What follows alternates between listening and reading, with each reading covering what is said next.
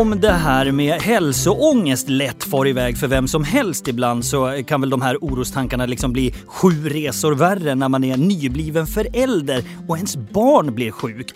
För då har man ju plötsligt en, ja, en skör liten varelse som inte ens kan prata och berätta vad som känns fel när kroppen mår dåligt. Därför så tänkte jag att vi i Hypokondrikerpodden idag vill försöka att lugna och ge lite bra råd till dig som är nybliven förälder. E-, eller kanske ska bli det. Nu går det ju såklart inte att täcka alla spörsmål om småbarn och sjukdomsoro i ett enda avsnitt, men vi hoppas ändå på att kunna döda lite myter eller dämpa lite ångest och rätta ut några frågetecken och allt det där. Och för det ändamålet så har jag laddat upp med mitt Dream Team-duo här i studion. Den ena halvan är vår farmaceut och medicinproffs Ynette Gustafsson från Kronans Apotek. Hej! Hej! Hur är läget? Det är fint med mig. Ja, härligt. Eh, och den andra eh, delen i duon är ju programledaren och pappaproffset med över 300 avsnitt av sin egen pappapodd under bältet, Nisse Edvall. Hej! Yes, jag är här. Tack. Kul. Ja, och jag ska säga att själv heter jag Håkan Ivar och jag väl inte tappad bakom någon vagn heller när det gäller erfarenhet av småbarn eftersom jag har tre stycken egna av den varan. Men Nisse, du har ju två, eller hur? Mm. Hur gamla är de? Eh, den äldsta eh, är nio, inne på sitt tionde år så att säga. Och den yngsta blir, kommer säkert vara fyra när det här sänds, för han fyller fyra när som helst. Och vad heter de? De heter Jojo, den yngsta, och Manne, den äldsta. Ja, och det kan ju vara svårt att tro nu, men du har ju också varit helt ny förälder en gång i tiden. Och jag vill eh, höra lite om de erfarenheterna, men sen tänkte jag också att du i- ja, i egenskap av ärrad veteran eh, ska få väga in och reflektera över några av de vanligaste och mest debatterade frågorna för nya föräldrar. Men först så vill jag ändå börja i den här mytomspunna första tiden som förälder med sitt första barn. Vad, vad kan man säga om den egentligen?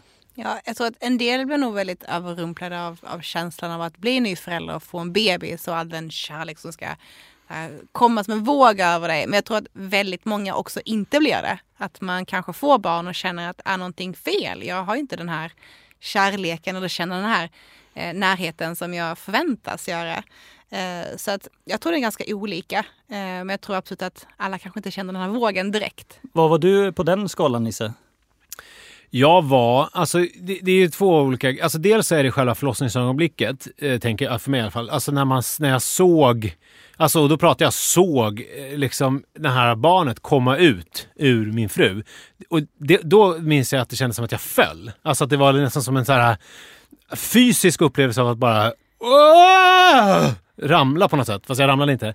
Och det var ju helt magiskt. Det händer ju annars, kan man säga. Ja, det händer att folk gör det, men jag gjorde inte det. Men sen går det ju otroligt snabbt att man, man brukar ju prata om att folk som vinner på Lotto så blir miljonärer. Det blir väldigt snabbt vardag. Helt plötsligt är man ganska van vid att man har 25 miljoner. Och livet blir ja, ungefär som det var innan. Alltså fast man har bara lagt på en ny grej. Så blir det ganska snabbt känner jag. Att man, eh, att jaha, nu har jag en bebis. Och grejen är ju också att när man har bebisar så är det otroligt mycket som måste göras hela tiden i början. Alltså saker som ska bytas och det ska liksom eh, hållas på och grejas och fixas och, och, och sådär. Så man, man, har ju, man har ju fullt upp.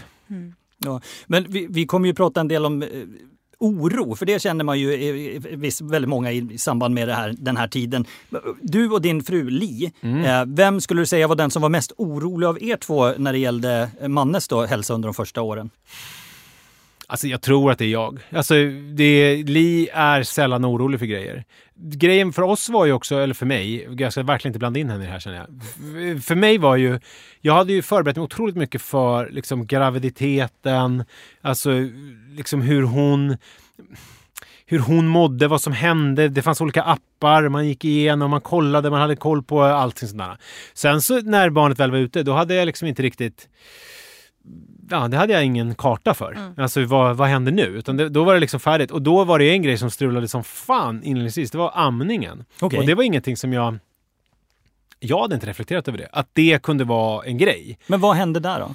Eh, nej men att det inte funkade liksom. Att, eh, att, vilket det, sätt? nej men att det liksom eh, inte rann till, eh, i, gjorde ont på li, det blev liksom sårigt och ömt och, eh, och, och hittade inga grepp och det kom hem barnmorskor och det var sån här amningshjälp. Jag vet inte om det finns alltså fortfarande, man liksom fick hålla på och träna på det där. Och, och, och då, då blev jag ju mest chockad över att för att det här eh, ska ju bara funka. För jag tror, min teori är att på alla de här eh, liksom förberedande kurserna så pratar man inte så mycket om amningen för man vill liksom inte jinxa någonting. För att om man går och oroar sig för amningen, det kan ju också vara en grej. Att man då går och oroar sig för amningen, ja, så blir det blockeras det av den anledningen. Så här var det då istället att de inte pratade så mycket om det och oftast så går det ganska bra. Men när det väl sen strular då, då var det så här, vad händer nu? Och det där tror jag är en grej, att man förbereder sig, om jag nu ska vända mig till alla som väntar barn, att man förbereder sig väldigt mycket inför själva förlossningen. För att det är någonting väldigt handfast som man kan Och stort. ta på. Och stort såklart. Det, är liksom, det står ju som en symbol för hela det här nya livet som man ska Alltså, leva. lite mållinjen där liksom. Ja, Mm. men sen så som alla maratonlöpare, är inte jag, men eh, pratar alltid om är ju att man ska ju aldrig tänka mållinjen, man ska ju tänka efter mållinjen. Exakt. Och så är det ju eh, jättemycket med Mm. att barn också. Att tänk förbi mållinjen. Ja, men sen är ju amningen på, på något sätt så himla helig och då tänker jag det måste ju vara ännu större jobbigt även för, för Li att sitta där. Det, du säger det såriga bröstvårtor. Nej, nej, det är skitjobbigt. Och, och man känner ju så här, gud jag kan inte... Alltså det, det viktiga, min viktigaste funktion nu här är att se till att ungstackaren får mat. Alltså, För andas fixar den själv, sover gör den hela tiden och mat är det den... Det är typ en av tre grejer. Och det står ju på ens egen lista att fixa fram maten. Det är ju inte barnet som ska fixa maten. Så det är klart att det känns ju jobbigt på alla sätt och vis. Ja, och jag tror att just amningen, det finns ju förväntan, precis som du säger, att man ska leverera på Mm. det. Och det är ju en sån otroligt het potatis det här med amning. Ska man, ska man inte amma? Och det tror jag alla lyssnare också kan känna igen sig, eller i alla fall känna igen den debatten. Vad är bra och inte? Och när man, när man läser och hör så är det många som säger att Nej, men det är klart du ska amma. Men ibland kan man ju faktiskt inte amma. Det finns ju vissa sjukdomstillstånd som gör att man faktiskt inte kan amma eller att det till, alltså helt enkelt gör så pass ont att det bara blir fruktansvärt för både barnet och mamman. Och det tror jag, eh, nu ska, vill inte jag lägga mig i am, amnings... Eh, Jo, kom igen. Ta ställning. Ta ställning. Nej, men jag, eh, någonting jag verkligen vill säga det- liksom, och lyfta faktan kring det här det är ju att det finns absolut ersättning som har lika mycket näring som eh, bröstmjölken och att det är helt okej att, att faktiskt välja att inte amma om, om det är så pass jobbigt eller du faktiskt inte kan amma. Eh, och det är ju någonting som vi också ofta får diskussioner kring på, på apoteket. Eh, för att man, man går ju ofta till vården och pratar med med sin barnmorska eh, eller vem du väljer att prata med och sen att man då även vänder sig till oss på apotek med de här frågorna. Både såklart med, med just hjälp med amning, med alla salvor man kan köpa och de här eh, Napparna. Ja, men Amningsnappar, ex, vet exakt. Ja, Vad är men det? vårdskydden. Så man kan, eh, Vårtskydd. ja det är Mm. de man lägger liksom på för att, för att ifall man får mycket sprickor och så, eh, som försöker läka, att man kan lägga dem på brösten när man ammar för att minska att det ska göra så ont. Det finns ju många gadgets man kan använda. Ja. Det roligaste är då om man har sådana här nappar på tuttarna. Och sen så har man också någon sån där, det finns ju så här smarta bhar med liksom hål för brösten. Ja. Det är en tunn, tunn eh, linje mellan olika BDSM-utrustning och liksom såna här amningsredskap. När man ser dem. Det är ju eh, precis det man vill, så här 50 shades of grey när man är i förlust. ja, men det, och sen smärtan också. ja, exakt. Nej men jag bara säga det med amningen att Ja. det var inte så att vi sa gud vi måste amma, vi Nej. måste amma. Det, är, det här är, vårt liv hänger på det här. Men det som är grejen med om man nu väljer att man vill amma är att det är ju sjukt smidigt. Alltså det får det man det är. att funka Ja. så har man ju käket med sig hela tiden. Ja. För att vi har ju, gudarna ska veta att vi har också kört med ersättning och alla sådana saker. Men det är ju och det här tar jag verkligen inte ställning, för jag vet att det här är en otroligt het potatis. Men det är ju ganska mycket att bära på hela tiden om man ska ha de här förpackningarna. så att på det. så sätt så kände jag att det är bra om vi får det här att funka. Mm. Mhm, Sa jag till Li, lite på ett avslappnat sätt. Hur löste ni det här sen då? Liksom? Ja, men det, jag, jag minns ju vår, vi hade en otroligt fin barnmorska på eh, barnavårdscentralen. Eh, som, de gör ju sådana här hembesök eh, tidigt. Och hon kom någon mer gång och sen så var vi inne och hon var väldigt så här, lugn och trygg och mysig. Och var verkligen inte så här att, att det var viktigt att vi ammade. Det var Inga liksom inte alls det var inga pekpinnar. Men liksom hjälpte till, hitta grepp, hitta liksom... För det var ju väldigt viktigt att det blev... Som jag minns det nu, så här nästan tio år efteråt. Det var att han fick liksom... eh, Han greppade inte... Han tog inte ett så här stort tag. Det brukar de alltid prata om. Det stora Ja, taget. det. Att de liksom, det, är ju, det är ju inte att de ska liksom hålla på och snutta på bröstvårtan. Utan det, det är ju ganska mycket tutter de har i munnen. Men han fick liksom någon halvgrepp. Så att han hade liksom halva bröstvårtan. Så det var mycket där träna på att han skulle ta ordentlig tutte. För det är ju också så här, man tänker att det här är ju viktigt att det är som eh, hästar, de kommer ut ur eh, föl och så går de iväg och så käkar de gräs. Typ, min bild av hur det funkar. Mm. Men eh, då tänker man att det ligger i bebisens intresse att fixa det här själv ganska Mm. snabbt, lite instinktmässigt. Och de har ju det här att de håller på att näbba, ni, ni vet, de har, att de håller på och söker bröstet ganska direkt. Men eh, mannen var inte helt finkalibrerad på själva eh, greppet runt eh, bröstvårtan. Så där fick vi träna lite. Sen löste det sig. Efter, några, efter, eh, jag tror, efter typ tre veckor så var det liksom som om det alltid hade varit så. Men det är ju ändå så här tre ganska jobbiga veckor. Ja, gud, kan jag tänka mig. Så, men- och jag kan tänka mig att de kändes längre än vad de var också. Om man, det, det skapar en viss oro. Men vilka, hade, ni, hade ni fler för orosmoment så att säga, under den här tiden? Men det är ju de vanliga sådana där är ju, och det är som jag tror nästan alla föräldrar kan skriva under på, det är så här när de somnar. Alltså, le, lever han? Hallå? Eh, är det liksom, hallå? Är det någon? Ja, man är där och tittar och sådär. Och så läser man ju, och det ska man ju inte, för det är ju sån procentuellt sett liten chans, men man hör liksom den här plötslig spädbarnsdöd och så här, det är ju liksom det vidrigaste. Och så hör man ju alltid, det finns ju alltid någon som känner någon som känner någon som känner någon som har varit med om det och så blir det ju så här, åh! Precis, Tänker man på det? fastnar. Ja, för det, så är det ju. Allt som är jobbigt fastnar ju. Så att, mycket det där att hålla på och kolla andning på natten och sånt där. Eh, om man nu tar, liksom, här har vi ju spädbarnstiden som jag pratar om nu, med andning och sånt där. Sen så finns det ju andra grejer sen när de blir äldre och börjar krypa eller röra sig eller gud förbjude börja äta annan mat. För den maten som kommer från mamman är ju, den har man ju koll på. Kontrollerad. Ja, sen är det ju eh, liksom puréer och allt sånt där. Hur ska de reagera på det? Och i mitt fall då, eftersom jag är nötallergiker och jag vet att det är ju ärftligt, så att säga, så var ju det en stor orospuck också, såklart. Att man liksom... Eh, eh, hur ska man göra? För att där har ju forskningen, det kanske du vet mer om, hur man ska göra med nötallergi, så att inte jag säger fel grejer här nu. Men huruvida, huruvida de ska liksom börja tidigt och utsättas för det, eh, nötgrejen, för att det ska vara bra. Eller om man inte ska börja med det, för då kan det trigga igång någonting. Det finns ju liksom tusen olika tankar kring sånt där. Man kan ju också säga att nötallergi är ju en ganska allvarlig allergi för de som har det. Det är inte lite så att man får lite klia utan där kan det ju handla om att man dör. Ja, ja visst. Alltså, det är inte att man nyser lite bara. Utan det är verkligen, jag har ju själv liksom, när, om jag äter en chunk av valnötsbröd så är det ju svullnar det igen när jag måste ta sprutor och sådär. Och när jag var liten kommer jag ihåg, det var många besök på akuten och sådär. Eh, Så att, och det är ju en vidrig grej. Det vill man ju inte eh, ska hända ens barn liksom, såklart. Hur har Så det att- varit då? Eh, alltså för mig med min egen allergi eller för barnen? Nej, för, för Manne då? Nej, nej men eh, där har vi ju då att Li har ju ingen allergi alls i sin familj och har ju inte den här eh, har ju inte den här oron i sig överhuvudtaget. Så för henne var det väl ingen grej alls. Hon tänkte väl inte så mycket på det där. Och då minns jag att specifikt tillfälle, jag kommer ihåg, vi satt på tunnelbanan och så skulle vi på någon utflykt om vi skulle gå någon sån här, som man gör när man med första barnet, att man går alldeles för tidigt på olika grejer. Typ åker till Gröna Lund med en och ett åring och så bara, vad gör vi ens här? Vi skulle kunna bara vara hemma. Gått runt i vardagsrummet. Satt på tunnelbanan och eh, helt plötsligt så bara ser jag hur hon sitter med, hon sitter med någon sån här eh, förpackning med cashewnötter och bara bjuder honom. Han bara sätter i sig det. Och då, är, då kommer jag ihåg att jag bara sa ah! Ah! Så här kan vi inte göra. Det här ska ju ske under reglerade former i en steril miljö med en farmaceut närvarande. Epiduralpenna. Epiduralpennan i, i högsta hugg. Eller gärna att man gör någon sån här pricktest först. Det ska liksom... Ah, så här. kan- Och så satt jag ju... Och med, med, fördelen och nackdelen är ju att är man nötallergiker så märks det ju väldigt fort. Alltså det är ju inte liksom... Det är ju inte som någonting som är så här, ja, och sen en vecka senare så händer något. Utan det slår ju till direkt, den här histaminchocken eller vad man säger. Eh, och då hände ingenting.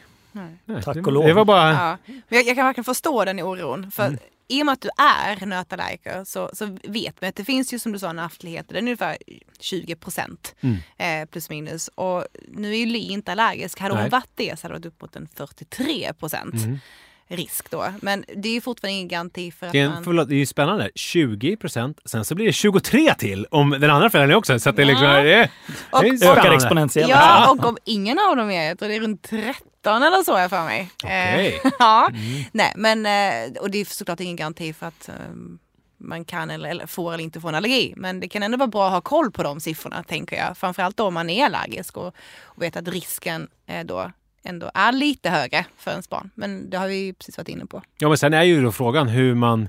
För där har... Jag vet inte vad liksom forskningsläget säger i dagsläget, eh, men där har det ju varierat över tid huruvida man ska utsätta eller Mm. inte utsätta under första tiden eh, för Ja, och, eh, de här allergenerna. ja, men hur är det, har ni kollat honom för allergi? Och framförallt då efter den här liksom, chocken du fick på tunnelbanan. eh, Var ni och kollade honom för någonting? Nej, alltså vi har inte kollat honom för någonting. Och eh, peppar peppar, alltså lillbrorsan är ju inte heller, eh, har ju inte heller några allergier. Nej. Så att det är ju, verkar vara jag som är eh, skadat gods, så att säga. Ja, vad skönt, då kanske du hoppar över en generation. Men vad ska man göra om, om det nu skulle ha hänt någonting? Vad, Mm. vad gör man? Ja, nej, för det är ju så att menar man, framförallt om det, man, man tror att det finns en risk att barnet skulle kunna ha en allergi så det är bra att ha koll på dem lite när de äter olika saker. Och det finns ju olika allergier som är mer eller mindre vanliga när barn är små. En sån är ju liksom matallergier och då framförallt mjölk och så. Eh, och det är någonting som... Alltså att den är vanligare. Ja, exa- ex- ex- exakt. Att mjölkallergi, just då, då, typ komjölksallergi, är ganska vanligt att när man är väldigt liten. Och eh, när man är runt tre så brukar man ha växt ifrån det.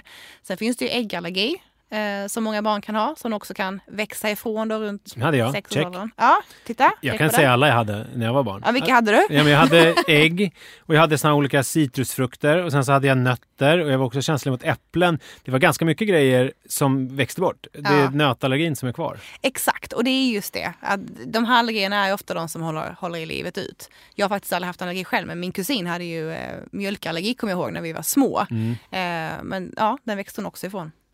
Men vad ska man göra om det händer på riktigt?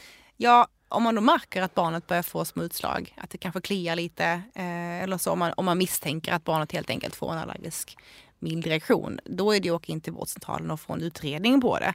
Ehm, men sen finns det också de tillfällena då barnet faktiskt får någonting mer akut, där man verkligen behöver gå in till akuten. Och det, det är ifall det verkligen börjar klia väldigt mycket på handflator och fotsulor eller ifall barnet blir lite dåsig eller verkligen får liksom svullna eller får an, an, andningssvårigheter. Då är det verkligen akut in. Alltså om man vill uppleva hur det är att få VIP-treatment på akuten, då ska man ju, vet ju jag av egen erfarenhet, då ska man komma in och ha någonting som antyder allergisk reaktion. För att satan vad de släpper allting när man får händerna då och liksom bara tar hand om. För att det är ju verkligen, kan ju vara livshotande just med Åh, andningen gud, och ja. allting.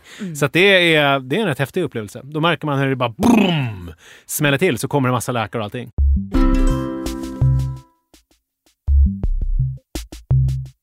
Men jag tänker på en eh, annan grej, det här med att barnen är riktigt små. För det tyckte jag var jobbigt att de just inte kan prata och säga vad som är fel. Hur har du upplevt det Nisse? Nej, mina barn kunde ju prata. De kom ju ut, kom ut och bara ja, hej pappa, eh, gärna manne tack. Och eh, det här och det här tycker jag om. Nej, det är klart, det är ju vidrigt. Eh, och speciellt när de är pyttesmå, det här när de skriker och man, så här, är du hungrig, är du trött, är du varm, är du kall? Va- Vad är, vad är ditt problem? Så det är klart att det är ju jättejobbigt. Och, och speciellt, alltså, det är väl lite det här med allergigrejen har väl varit en, ett litet rött skynke för mig, eller hur man ska uttrycka det. För jag minns en gång, och när han först bara började och liksom gnälla lite allmänt så här, man inte fattar vad är det nu? Eh, vad, är vad vill du mig? Och sen så, men sen helt plötsligt så var det just det här att det, eh, han hade liksom någon myggbett och så svullnade det upp och så liksom läpparna började svullna. Han fick nässelutslag över hela kroppen och då blir man ju, då går man ju igång på den här allergiprylen. Eh, men, jag, men å andra sidan så vet jag inte riktigt vad, han hade kunnat säga då. Pappa, det är, inget, det är nässelutslag bara. Det be, behöver inte oroa dig, de kommer lägga sig om en stund. Ge mig en halv eh, antihistamintablett bara. Så kom, alltså, men, men det är ju lättare nu när barnen är äldre, när man ändå kan kommunicera med dem. Så är det ju. Alltså vad, vad gör ont någonstans? Vad, vad, vad är det som händer med dig liksom?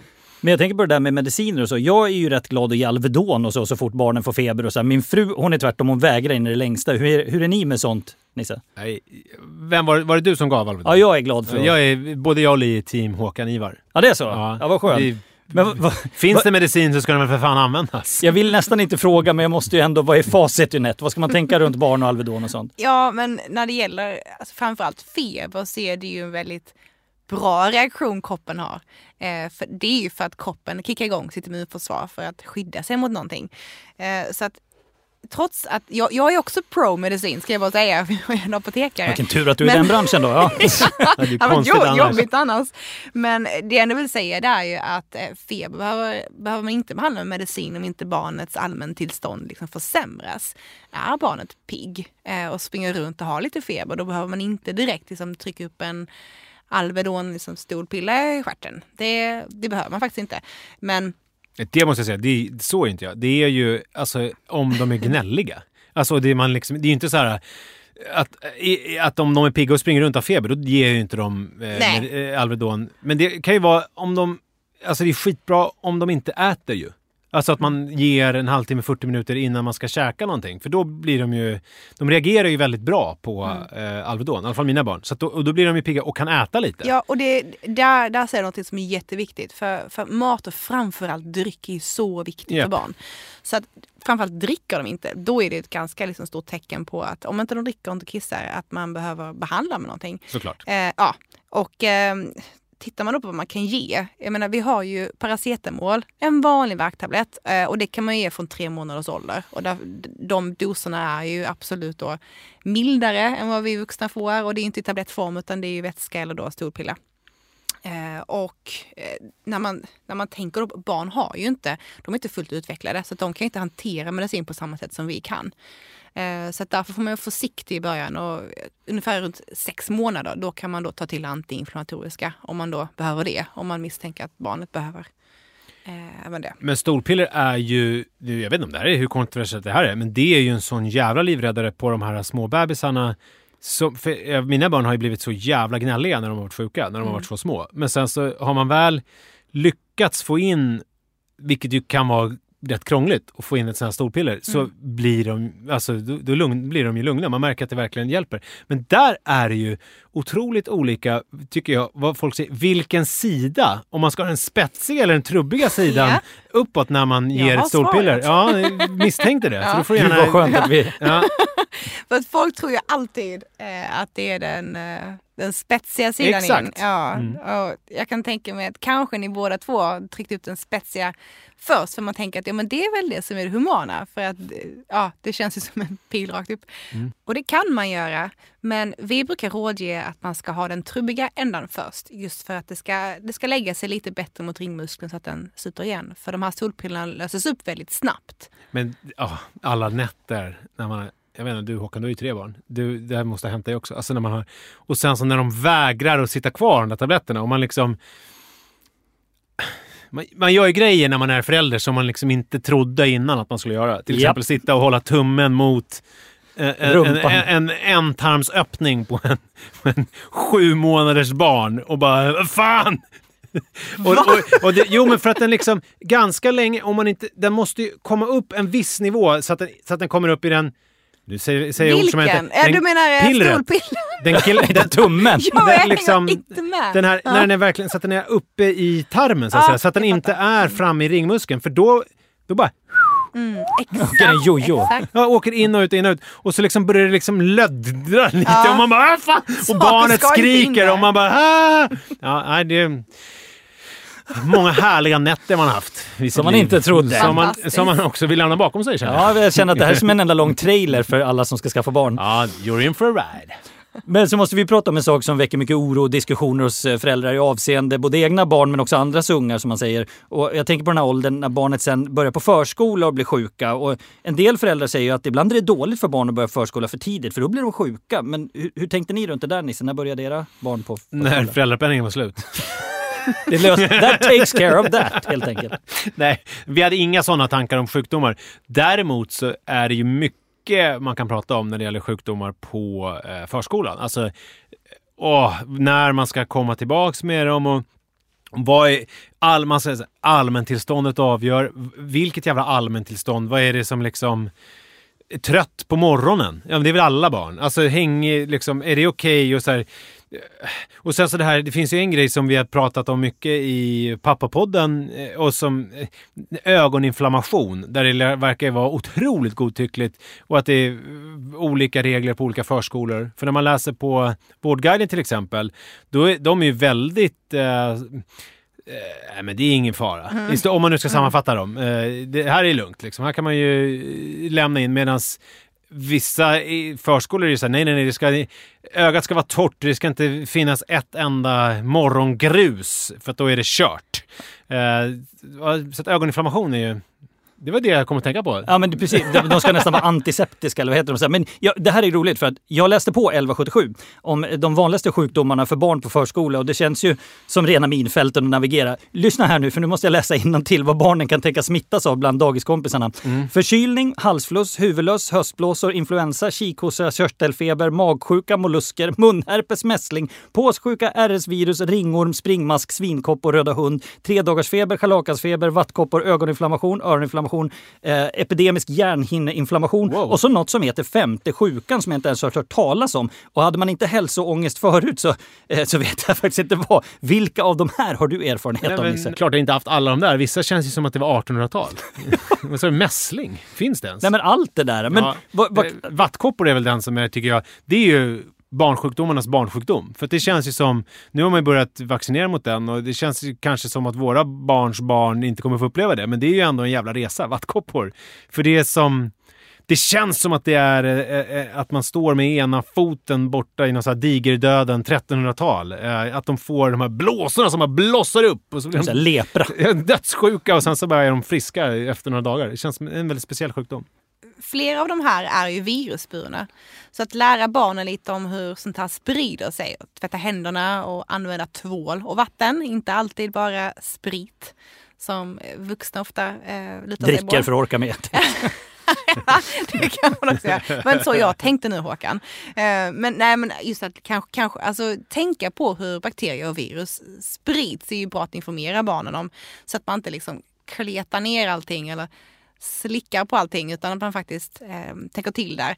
Och eh, med vab och så när man ska släppa iväg barnen. Ja, för det är väl en grej man själv undrar. Så här, har, har de varit två, tre dagar ska de vara borta. Ibland ska det vara jättelänge som du sa Nisse och ibland eh, så blir man nästan sur när ungar är tillbaka. Man bara, den ungen är inte frisk. Vad, vad kan man säga om det här med vab? Ja, vi var inne på, på amning tidigare som är lite känsligt. Vab är ju också väldigt känsligt att diskutera. Men, men rent generellt, och det här, nu blir det så här tråkigt svar här Nisse, men, men ja, då säger man ju att ja, allmäntillståndet, Exakt. om det... exakt. Och feberfria Ehm, i två dygn eller vad det är. Och så, inte inte nu, kräkningar och hit och dit. Och, och sen som, en annan grej är ju det här med lös i magen. Ja. Alltså när, när, om man har haft diarré, så när är man bra i magen? Liksom, för det kan ju dröja innan tarmfloran är på G igen fast man inte är sjuk längre. generellt, om barnet mår bra och orkar delta i aktiviteter, då kan man släppa dem till sin förskola. Men sen finns det några saker man kanske ska eh, hålla utkik över, eh, där man inte kanske bara ska släppa ut dem. Eh, och nu går jag uppifrån ner här, halsfluss som ett exempel. Om barnet har haft en infektion med streptokocker så kan de gå tillbaka till förskola eller skola efter minst två dygns antibiotikabehandling. Tittar vi på mässling, påssjuka, röda hund och scharlakansfeber eh, så säger man också att ja, men så länge det smittar så ska man hålla barnen hemma. Skabb är också en sak som barn kan drabbas av. Och då säger man att man ska vara hemma under det dygn som behandlingen pågår. Eh, och om du är schysst säger du också till personalen så att även de och andra barn får en chans att kolla sig så inte de har skabb. Eh, sen svinkoppor, ja, tills såren har läkt helt enkelt. Eh, det är också en sån sak. Ingen vill få hem löss såklart. Men eh, får du hem löss då gäller det att behandla direkt och barnen kan eh, efter behandling gå tillbaka till skolan. Men där är det så viktigt att informera alla föräldrarna för det här, det här sprider sig väldigt mycket och om inte alla behandlas samtidigt och det är någon som har kvarlöst, ja men då kommer det ju smitta igen. Eh, men kräksjukan är väl också den som jag tror är That's the big one. That's the big one. Det är ju den som är så tråkig när den går runt, för den går ju verkligen runt. Vad gäller Ehm. där? Nu vill jag ha facit. Liksom. Ja, jag skulle säga minst två dygn efter sista symptomdag. Är det så att du kan vara hemma tredje dygn, om du har möjligheten att vara det, var då det. Det skulle jag vilja säga. Kräksjuka är ju, som vi var inne på, alltså den vidrigaste av de vidriga sjukdomarna. Så där är det ju viktigt. Jag har nog aldrig i och för sig varit så duktig att jag varit hemma tre dygn. Men däremot två dygn efter eh, senaste kräktillfället, säger man så? Ja. Eh, och, eh, och att det verkligen är allmäntillståndet och att de har börjat käka ordentligt och allt sånt där. Det, det låter ju helt rimligt. Mm. Och sen när vi pratar vab så är också Eh, någonting som vi hör ofta, just frågan kring, ja, men ska inte mina barn få så många sjukdomar de bara kan så att de får ett ganska, eller så att de bygger upp sitt immunförsvar och får ett immunförsvar. Och svaret är att när man föds så har man ett immunsystem som är fullt utvecklat. Men det är ju otroligt otränat. Och det gör ju att om man kan amma så får barnet under de sex första månaderna eh, immunitet från mamman. Men efter det, när man kanske går av amningen, så börjar ju barnets kropp själv att bilda antikroppar mot det den stöter på. Och det är då de börjar träna upp sitt immunförsvar. Så att det är ju såklart bra med förkylningar och att man stöter på sjukdomar. Inte alla sjukdomar, men för att barnet ska kunna bygga upp ett immunförsvar så absolut. De ska härdas. De ska härdas. och det är också därför vi vaccinerar dem tidigt. För att immunförsvaret ska börja bilda antikroppar. Mm. Alltså Nisse, målet i det, här, i det här avsnittet var ju varit att lugna lite nyblivna föräldrar och så. Eh, vad skulle du säga eh, till dem i egenskap av eh, päronveteran så att säga? Eh, alltså det blir aldrig som man har tänkt sig, men det blir ändå jävligt bra och det roliga överväger. Eh, och sen så är det också så att man, det är inte så jävla farligt. Alltså de är rätt stryktåliga. Det märker man speciellt om man får ett till barn som vi har fått. För då, då kommer jag ihåg att då var vi så fokuserade på den äldsta mannen, äldsta sonen, så att vi satt och lekte med honom. Så, så att personalen på eh, BB där vi satt var så här, äh, nu tror jag att han äh, behöver käka för att han äh, har lite typ någon feber eller någonting. Ja, den lilla? ja, den lilla för att han, ja, vi hade liksom glömt bort honom. och han, och, och han, han överlevde ju det blev folk av honom också. Mm. Så man blir coolare ja, det tiden. Så är det. Ja men gud, ju mer vi pratar om de här första åren med barn så inser jag att det här är ju ett outtömligt ämne och jag, jag hoppas i alla fall att vi gjorde en liten buckla i plåten på den här pansartanken som far genom ens liv i form av att vara nybliven förälder. Tack Nisse Edvall för att du kom hit. Tack. Herregud, jag känner bara din blotta personlighet ger någon slags lugn här tycker jag. Och jag tycker nästan att det här skulle eh, kunna behöva en del två eller kanske tre till och med för det ja. finns ju så mycket här att snacka om. Vad säger du? Nej, absolut. Eh, jag tror nog att alla vill väl ha en harmonisk tid när man eh, har fått barn och har barn i små, små åren. Men det är bara att glömma, eh, kan jag förstå. Mm. Eh, men har man frågor så finns vi ju där mitt i vardagen. Så kom in till oss på Kronans Apotek och fråga oss om råd. Eh, det är därför vi finns till. Härligt! Då säger vi så för den här gången och så hörs vi snart igen i Hypokondrikerpodden helt enkelt.